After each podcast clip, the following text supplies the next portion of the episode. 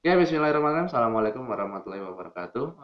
Berjumpa kembali bersama saya, Akif Pramesta di Brangstuk Podcast dan ini adalah episode pertama dari serial Nikah Muda The Series di mana kita akan membahas mengenai nikah muda yang selama ini selalu menjadi perbincangan hangat di masyarakat ya. Ada yang menanggapi positif, ada yang menanggapi negatif dengan berbagai alasan.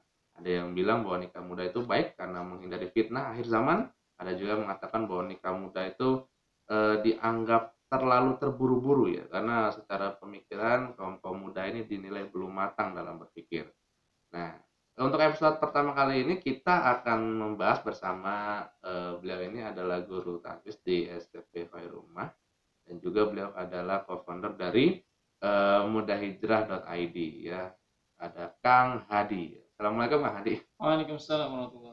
Gimana kabar Kang Hadi? Alhamdulillah sehat. Gimana nih Kang Afik? Alhamdulillah. Alhamdulillah ya. Oke ya. Dan apa eh, ini memang topik yang luar biasa nikah muda ini, apalagi beberapa tahun ke belakang. Karena kita lihat bahwa eh, nikah muda ini kan sekarang kayak jadi semacam satu fenomena ya. Iya. Jadi satu tren yang itu dipopulerkan oleh eh, beberapa pasangan-pasangan tertentu ya. Misalkan ada apa Taki Malik, terus ada lagi dan sebagainya ya. Saya nggak hafal banget namanya karena saya bukan penikmat ini gosip. Gosip. Iya. Nah, biasanya bahas-bahas gitu kan akun-akun gosip kayak Lampe Tura atau apa gitu. Nah, kalau Kang Hadi sendiri melihat ini sebagai satu tren, sebagai satu fenomena tren, itu Kang Hadi melihatnya bagaimana? Tentang nikah muda nih. Ini nikah muda. Ya, baik.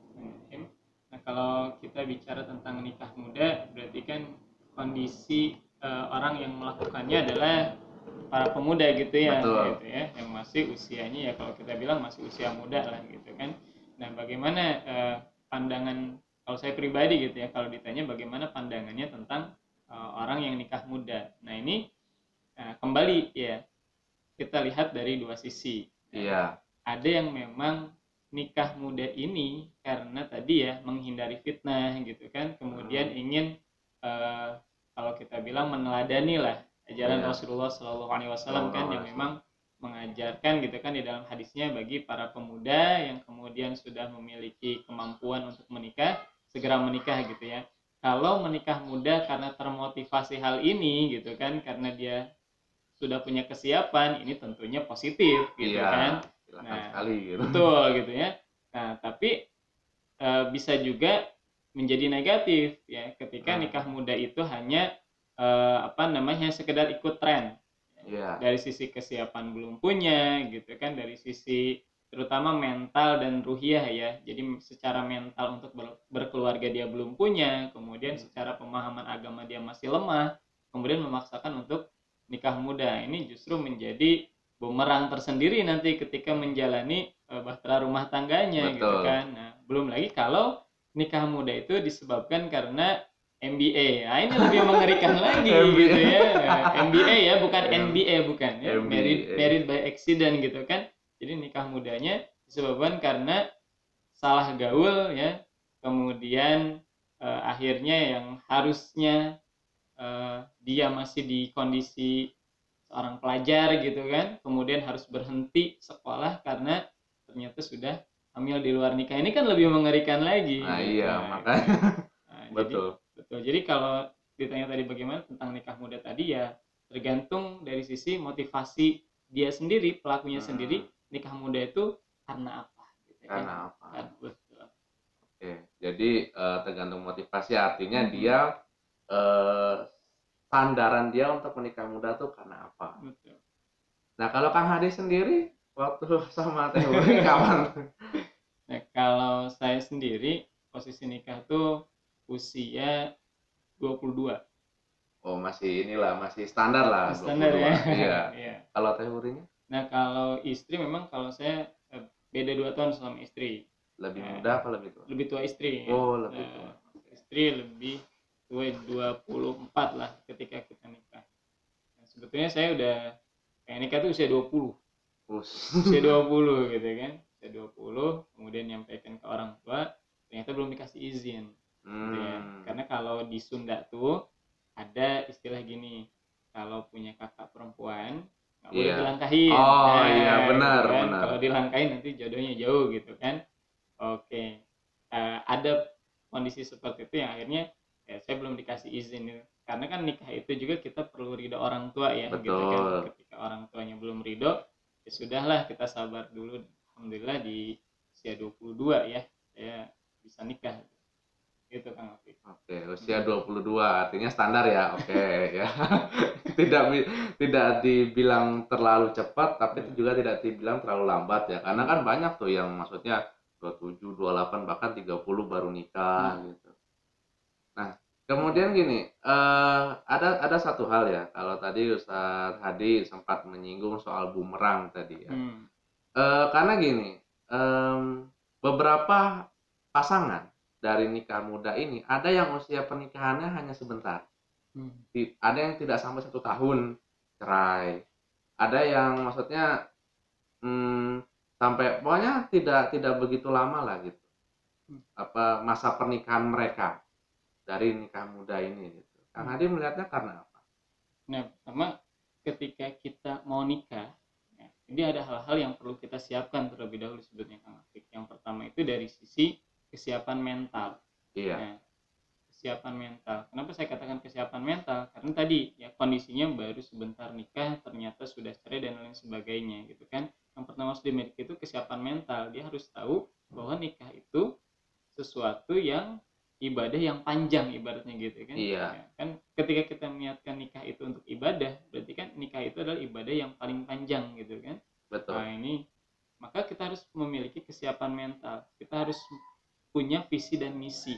Visi misi Hmm. nikah tuh buat apa sih gitu kan? Ini rumah tangganya mau dibawa ke mana gitu kan? Terus sandaran eh, keluarganya itu mau ke mana gitu kan? Apakah kemudian keluarga yang akan dibangun ini fondasinya adalah Islam gitu kan? Ataukah Hmm. fondasi eh, fondasinya adalah ya seperti zaman sekarang sekuler gitu kan misahin antara agama dan kehidupan nah Betul. maka ini menjadi penting jadi ketika mental kita sudah siap bahwasannya kalau kita misalnya kalau saya pribadi bicara dari sisi suami gitu ya berarti kan Iya. harus siap untuk kemudian mengemban amanah ada istri yang harus kemudian kita cukupi nafkahnya kan dan lain sebagainya kemudian ketika ada misal konflik gitu kan di dalam rumah tangga bagaimana kita bisa menyelesaikan manajemen konflik itu dengan cara yang ma'ruf gitu kan Hmm. biasanya kalau yang eh, belum apa-apa sudah cerai nah itu biasanya lemah dari sisi manajemen konflik ketika di Iya. dalam rumah tangga gitu kan itu yang pertama kemampuan dari eh, kesiapan dari sisi mental yang kedua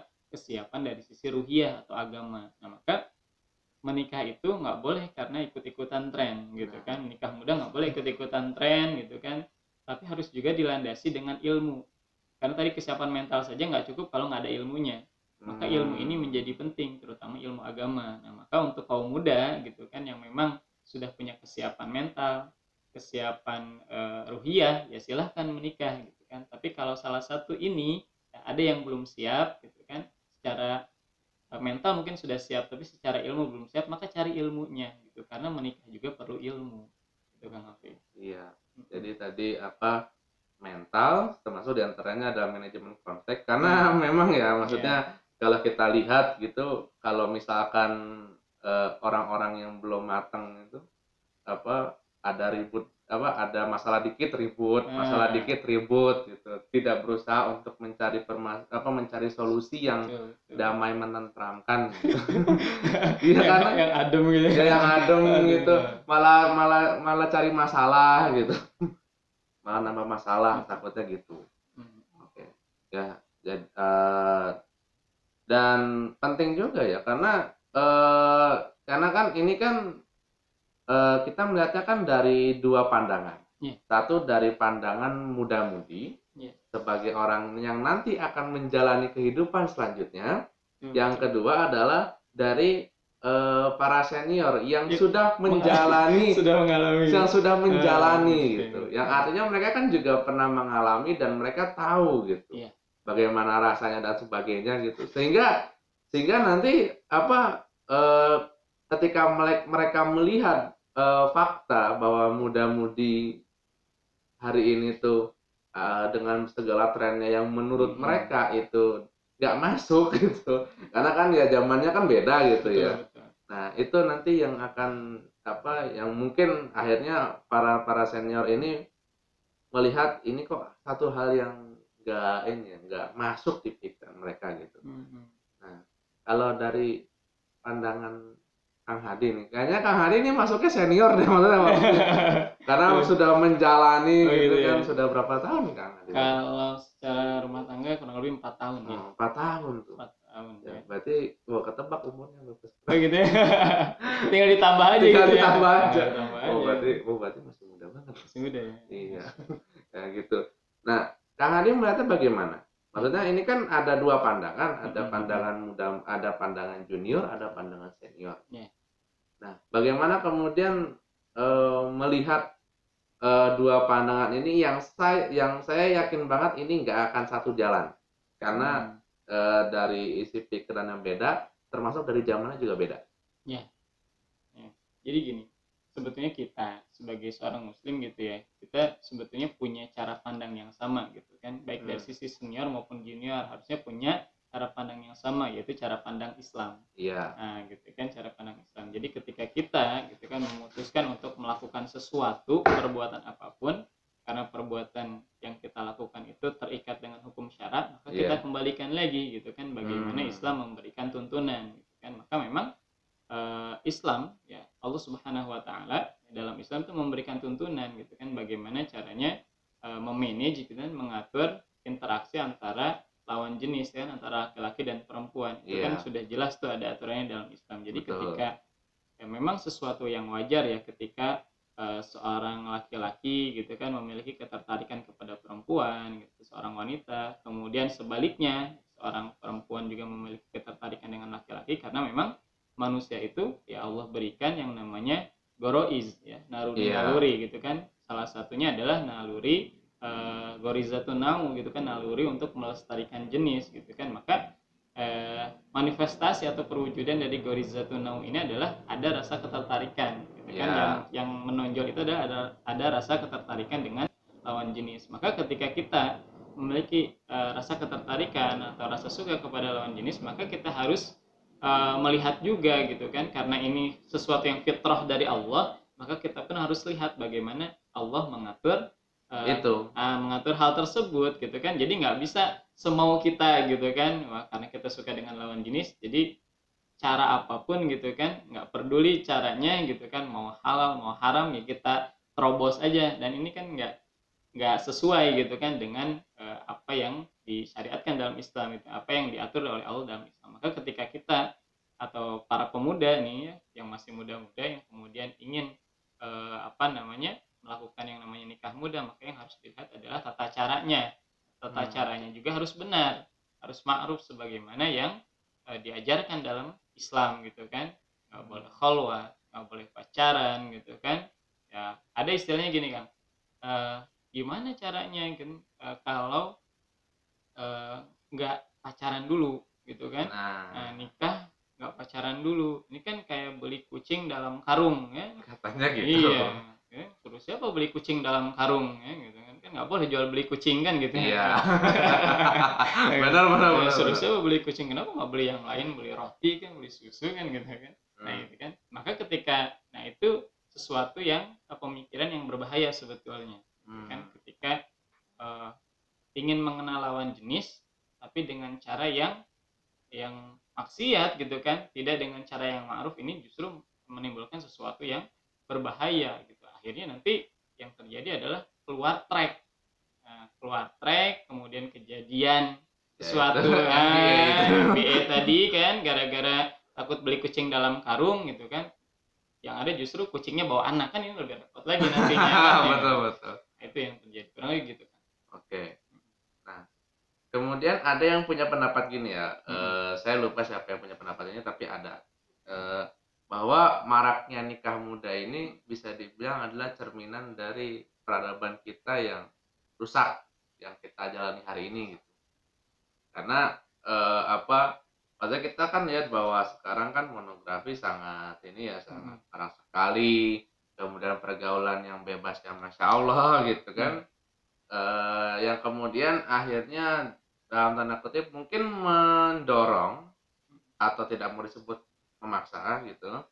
Eh baik itu muda-mudinya ataupun orang tua orang tua mereka untuk kemudian segera menikahkan mereka supaya eh, dalam dalam tanda kutip aman.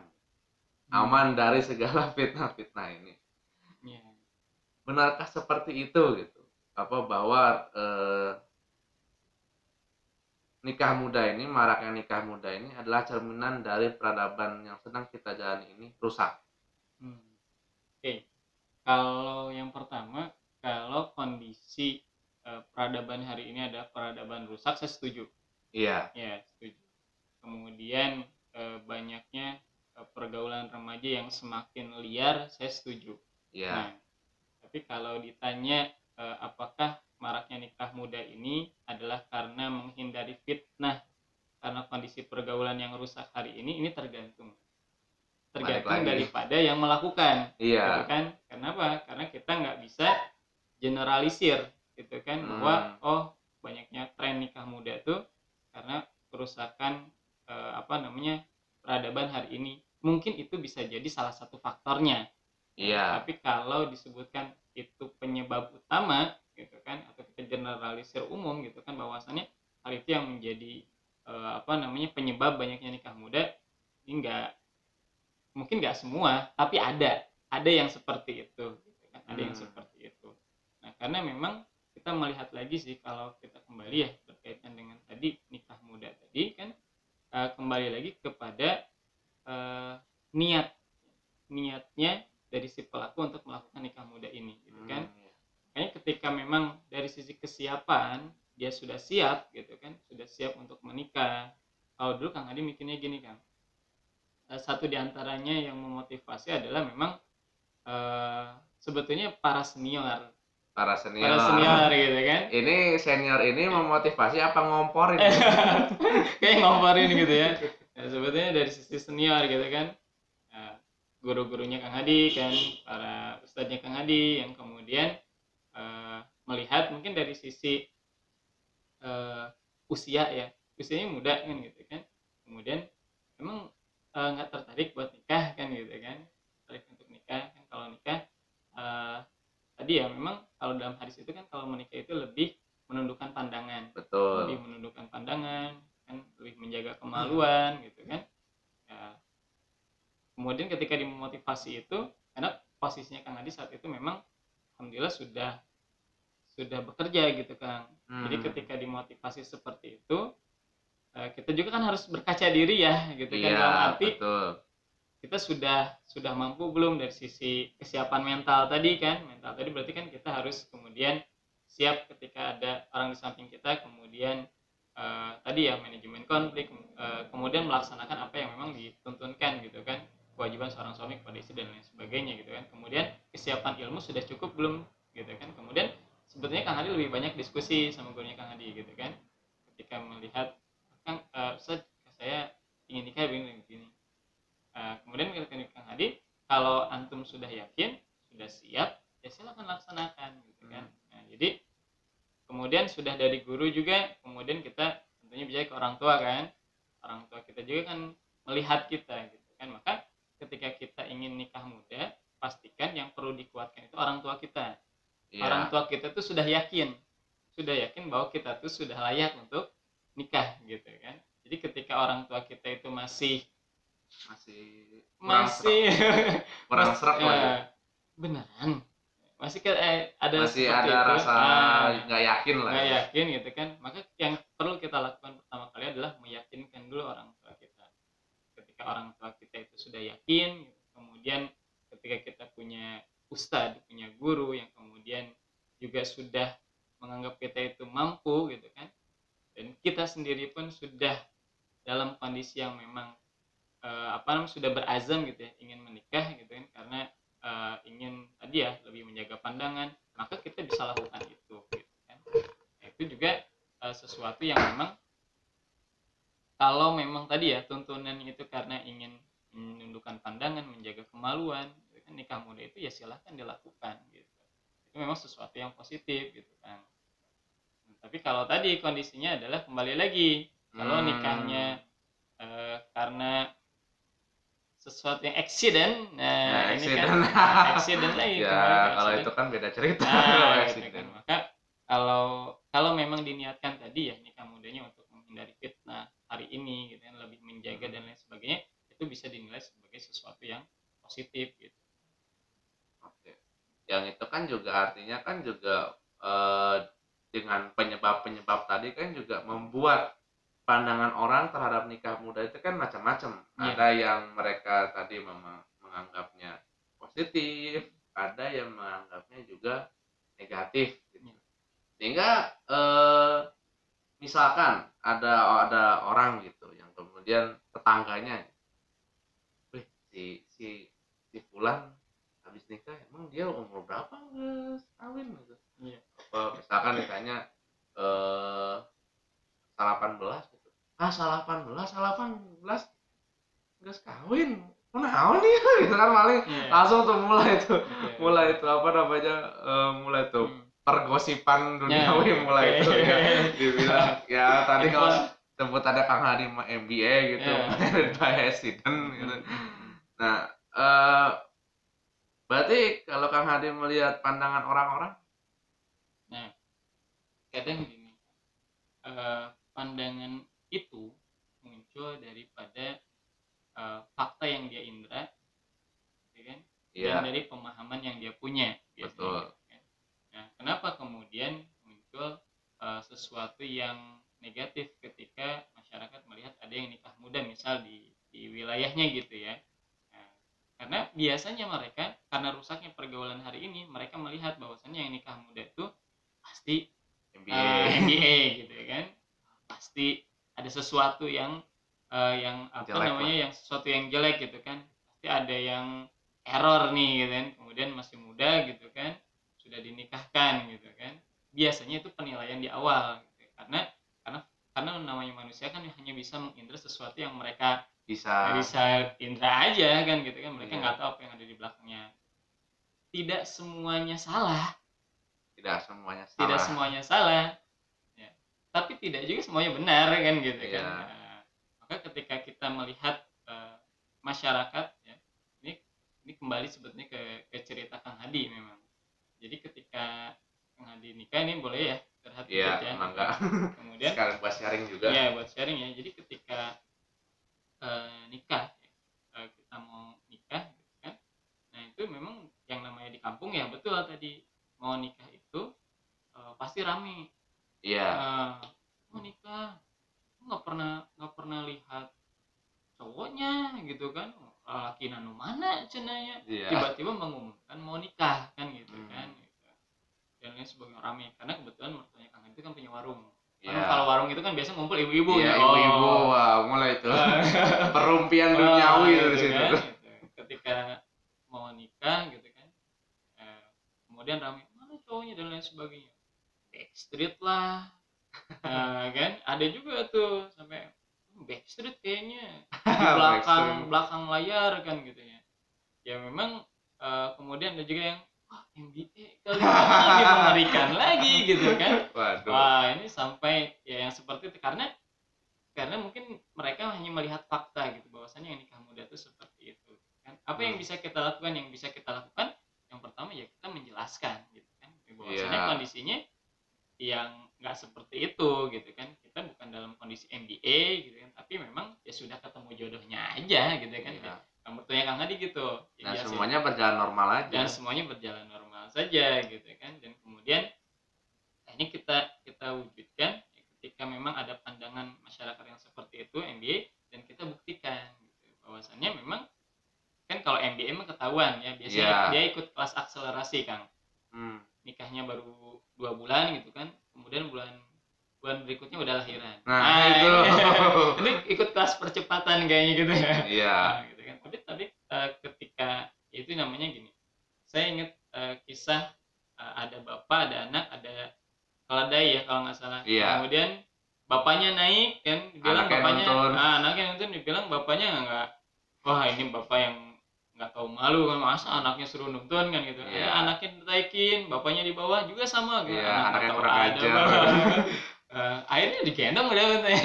jadi nggak ada kerjaan ngapain digendong itu kan hewan tunggangan gitu. artinya ketika kita eh, apa namanya eh, ngikut kata orang ngikut kata orang itu nggak akan pernah selesai sebetulnya Iya. cuman memang yang bisa kita lakukan adalah menunjukkan gitu kan. menjelaskan menjelaskan bahwasannya hal itu nggak jadi gitu kan Iya. bahwasannya eh, apa namanya ketika kita nikah muda itu pastikan memang kita itu nikah karena memang ya sesuai dengan tuntunan Islam gitu kan. Kemudian kan nanti ketika nikah itu eh, kita lihat juga dari sisi prosesnya seperti apa. Proses Hmm. sebelum nikah dan ketika nikah nah, Nah, itu iya. juga kan harus nah, jadi ke- akan nanti jadi perbedaan gitu kan dan kemudian kalaupun tadi ya eh, dituding dalam tanda kutip miring gitu kan oh karena begini dan begitu waktu itu yang akan menjelaskan gitu kan seperti itu kan lebih kan kalau jadi ingat kata-katanya Pak Anies di ILC ya oh, gitu ya iya kan waktu itu kan Pak Anies salah satu closing statementnya beliau yang ya lumayan mantep lah adalah eh, saya ada di sini tidak untuk menjelaskan kata-kata dengan kata-kata. Hmm. tapi saya ada di sini men- untuk menjelaskan kata-kata dengan karya. Nah betul. Gitu. Iya. Karena kalau kita balas kata-kata nggak akan pernah selesai. Selesai. Nggak pernah selesai terus aja gitu kasih karya atau kita buktikan gitu kan baru orang akan percaya. sama lah kayak kita misalnya eh, jualan produk. Iya. Wah produknya banyak yang jualan produk yang sama gitu kan. Kemudian eh, kita coba pasarkan wah ini kayaknya produknya sama deh dan lain sebagainya. Saya pernah pakai di ini bang gitu. Kemudian kita minta untuk beliau pakai dan ternyata beliau merasakan bedanya akhirnya eh, muncul Iya. di situ yang namanya trust kepercayaan gitu. itu yang sering terjadi di masyarakat betul, iya sih ya. Karena apa biar bagaimanapun ini kan tidak akan terlepas dari yang namanya masyarakat ya. Iya. Karena masyarakat juga akan senantiasa memperhatikan kita Iya. gitu. Eh, walaupun memang kesannya lebih ke ini ya, lebih ke kalau masyarakat kan eh, ya kalau kita mau suzon ya gitu. Hmm. Apa kalau kalau bagus dianggapnya biasa aja bahkan malah apa eh, ya tidak dianggap apa-apa gitu tapi begitu jelek langsung jadi omongan tetangga langsung jadi apa gitu ya begitulah ya manusia Iya.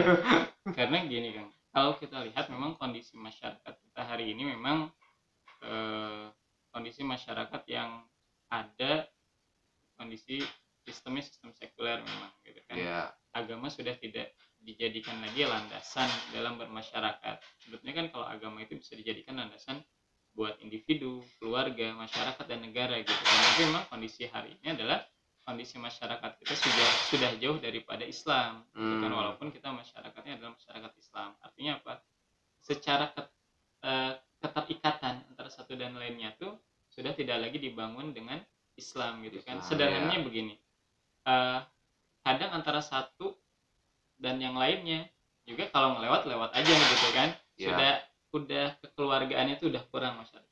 Saya ingat ketika masa Rasul Rasulullah SAW itu ketika membangun sebuah masyarakat itu eh, beliau bangun dengan masyarakat itu dengan pemahaman Islam. Jadi ketika ada seorang pemuda yang kemudian dia belum menikah gitu kan maka siapa yang mau bantu Fulan untuk ininya? Siapa yang mau bantu Fulan untuk ininya? Mas Kevin dan lain sebagainya. Ini kan masyarakat yang kemudian mendukung untuk itu. Gitu Iya. kan. tapi sekarang lebih banyak eh, kondisi masyarakatnya yang ya kalau kita bilang acuh nggak acuh sih sebetulnya sama Iya. tetangga gitu kan. nggak peduli. Ya jadi kebanyakan justru malah nggak peduli. Jadi terkesannya uh, fardan tu fardan ini sendiri sendiri aja Iya. gitu kan. Nah, akhirnya ya itulah hal yang itu yang kemudian memunculkan karena tidak adanya kedekatan gitu kan antar masyarakat nggak dibangun dengan Islam maka uh, sesuatu yang positif itu juga nggak mendapatkan respon positif gitu kan. Justru kalau sesuatu yang negatif itu justru yang akhirnya akan booming gitu yang Hmm. viral lah kalau bahasa sekarang makanya eh, mungkin yang sepengamatan saya juga ya Hmm. bahwa tren ini termasuk reaksi masyarakatnya itu juga maksudnya berawal dari permasalahan yang kompleks ya bener Pak? jadi ya karena kan sama ya sebetulnya kalau kondisi masyarakat itu kan tergantung daripada eh, aturan. Aturan di sebuah negeri itu. Kembali kepada aturannya. Aturannya yang diterapkan tuh apa sih? Nah, nah itu kita kembali ke aturannya. Ketika masyarakat itu ingin baik masyarakatnya itu ingin eh, bermartabat gitu ya Iya. beradab gitu kan Betul. berarti kan kita harus punya aturan yang memang mendukung untuk itu Hmm, tapi kalau kita lihat aturan hari ini semakin hari justru malah semakin semrawut nah, Nah, aturannya semakin semrawut dan akhirnya justru eh, karena aturannya itu tidak kalau kita ingin aturan yang baik berarti kan aturan itu harus berasal dari zat yang maha baik gitu kan. Iya. Tapi faktanya hari ini aturan dari zat yang maha baik itu nggak terapkan gitu. Maka itulah yang kemudian eh, menyebabkan eh, kerusakan di tengah-tengah umat atau di tengah-tengah masyarakat hari ini. Kan banyaknya perzinahan gitu kan? Kalau di kalangan pemuda kan gitu ya. Kalangan perzinahan kemudian ya pergaulan bebas kan mabuk-mabukan judi dan lain sebagainya gitu kan? Iya. bahkan ini yang lebih mengerikan itu ya ya bukan satu dua ya. Kan kita kebayang misal di satu daerah gitu kan kemudian di satu kampung ada yang hamil di luar nikah gitu kan? Iya. Ya kan? Ada juga yang mengatakan bahwasannya yang yang kena dosanya tuh 40 rumah di sekitarnya. Berarti kan bisa jadi kalaupun kita nggak melakukan kita kena dosanya. Karena perzinahan yang dia lakukan gitu kan? Iya. Belum lagi kalau kalau kita bicara kita nggak peduli tentang hal itu. Bisa jadi seluruh kaum muslimin juga kena gitu kan? Karena dosa daripada yang zinanya satu orang tapi yang kena dosanya banyak. Karena tadi aturannya tidak menggunakan aturan dari Allah Subhanahu Wa Taala gitu kemudian orang yang berzina itu nggak bisa kita hukumi dengan aturannya Allah Berarti artinya kalau misalkan kita mau membahas soal apa nikah muda ini termasuk juga dari respon-respon hal yang melatar belakangnya sebagainya artinya kita tidak hanya bisa berfokus kepada si nikah mudanya saja yang menjadi highlight masyarakat Mm-mm. tetapi juga harus melihat bahwa ini juga ada sebabnya Ya. Ini pun juga ada hal yang melatar belakangi karena e, biar bagaimanapun kita e, melihat kenyataan bahwa masyarakat hari ini tadi kalau Kang Haji sebut rusak karena salah apa penyebab utamanya adalah tidak digunakan ya mungkin bahasa Iya. halusnya tidak Low digunakannya power. eh, aturan Low dari power. zat yang maha baik siapa Low Allah power. Subhanahu wa Low taala power. Low power. Low Jadi power. kalau ya kembali ya Low kalau power. dulu saya ingat ya ke di dalam salah satu Low power. eh, kisah itu kan pernah Low ada power. seorang khalifah ya kalau Iya. nggak salah Low itu power. eh, ketika masanya. Khalifah Umar bin Abdul Aziz Hmm, Nah, iya gitu kan. Low power. Jadi, di mana pada masa itu eh, Low power. Islam itu memang kondisinya berjaya Low kemudian power. bahkan ketika dicari gitu kan ketika mencari Low orang yang miskin pada masa itu itu nggak Low nemu. gitu. Masya Allah ini kan saking makmurnya. saking makmurnya. Dan jangan dibayangkan kondisinya itu seluas Indonesia ya. Kondisinya itu jauh lebih luas lagi. Negerinya itu kan luas banget Low gitu kan. lebih luas dibandingkan negeri kita gitu kan.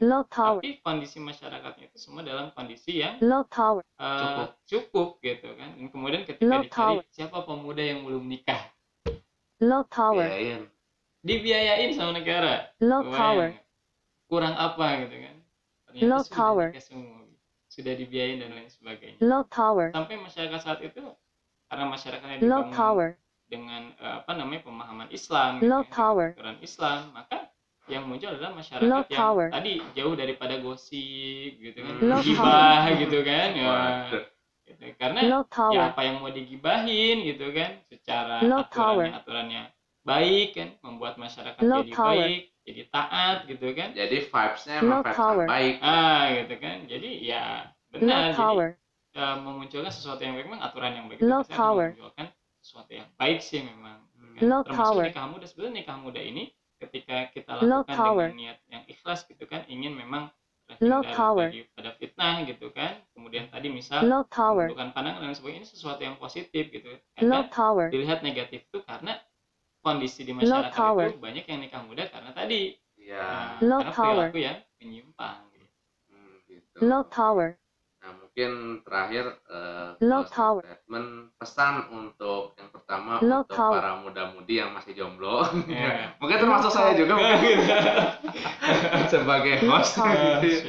Waduh, saya masih jomblo ya ternyata ya. Low tower. Sama eh, mungkin untuk apa Low tower. pendengar umum yang mungkin sudah menikah Low mungkin tower. ya mungkin apa pesan-pesannya gitu dalam Low tower. nikah muda.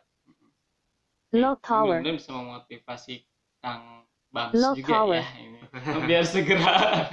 Waduh. Walah.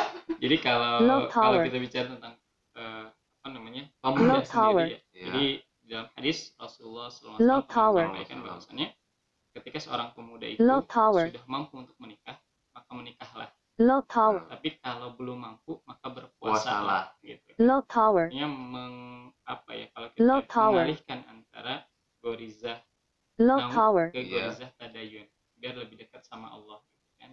Untuk para pemuda kalau memang sudah antum punya kesiapan untuk menikah, menikahlah. Kesiapan tadi yang pertama kesiapan mental, yang kedua kesiapan ilmu. Maka menikahlah.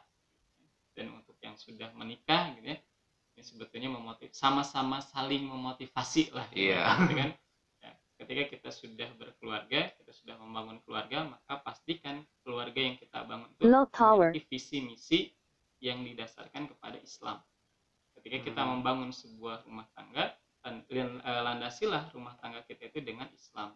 Jadi segala sesuatu apa pun permasalahan yang muncul dalam keluarga kita selesaikanlah sebagaimana cara Islam memberikan solusi. Ketika kita ada konflik, selesaikan dengan cara Islam, ada kebaikan pun dengan cara Islam dan niatkan rumah tangga kita itu adalah rumah tangga yang eh, semata-mata mencari keridoan dari Allah Low tower. Ta'ala. Dan mudah-mudahan dengan rumah tangga itulah kemudian lahirlah para generasi pejuang Islam di masa depan yang kemudian bisa membawa Islam berjaya kembali dan bisa dikumpulkan dalam surganya Allah juga Amin, bersama ya Allah. keluarga yang tersebut. Begitu. Oke ya. Jazakumullah khairan kasiron untuk Kang Hadi atas obrolan kita pagi ini, pagi menjelang siang ini ya. Dan Kang Hadi ini kalau kalau apa eh, sedikit info bahwa Kang Hadi ini tower. memegang rubrik eh, tahsin di teman surga Iya. tiap hari apa? Tiap malam Jumat. Oke, setiap malam Jumat jam 8 malam Jam ya. 8 malam. Jadi eh, buat teman-teman yang mungkin ingin memperbaiki bacaannya langsung saja cus ke teman surga tiap malam Jumat jam 8 malam di Iya. @teman surga. Eh, mungkin Instagramnya kan? Instagram eh, mudah hijrah aja mungkin ya. Oke ya Iya. di apa eh, buat teman-teman sekalian bisa di follow. At mudah hijrah dot ID. eh, dot official. dot official Dot oke official. di @mudahijrah underscore eh, Ya, dot official Dot ya official. Ya, oke. Dan jangan lupa follow juga at browns.look, at browns.look podcast dan juga at watch underscore duniawi dan podcast ini bisa anda dengarkan di Spotify, Anchor dan juga eh, aplikasi lainnya. Saya Afik Bramasta pamit undur diri. Nantikan serial Nikah Muda The Series berikutnya. Wassalamualaikum warahmatullahi wabarakatuh.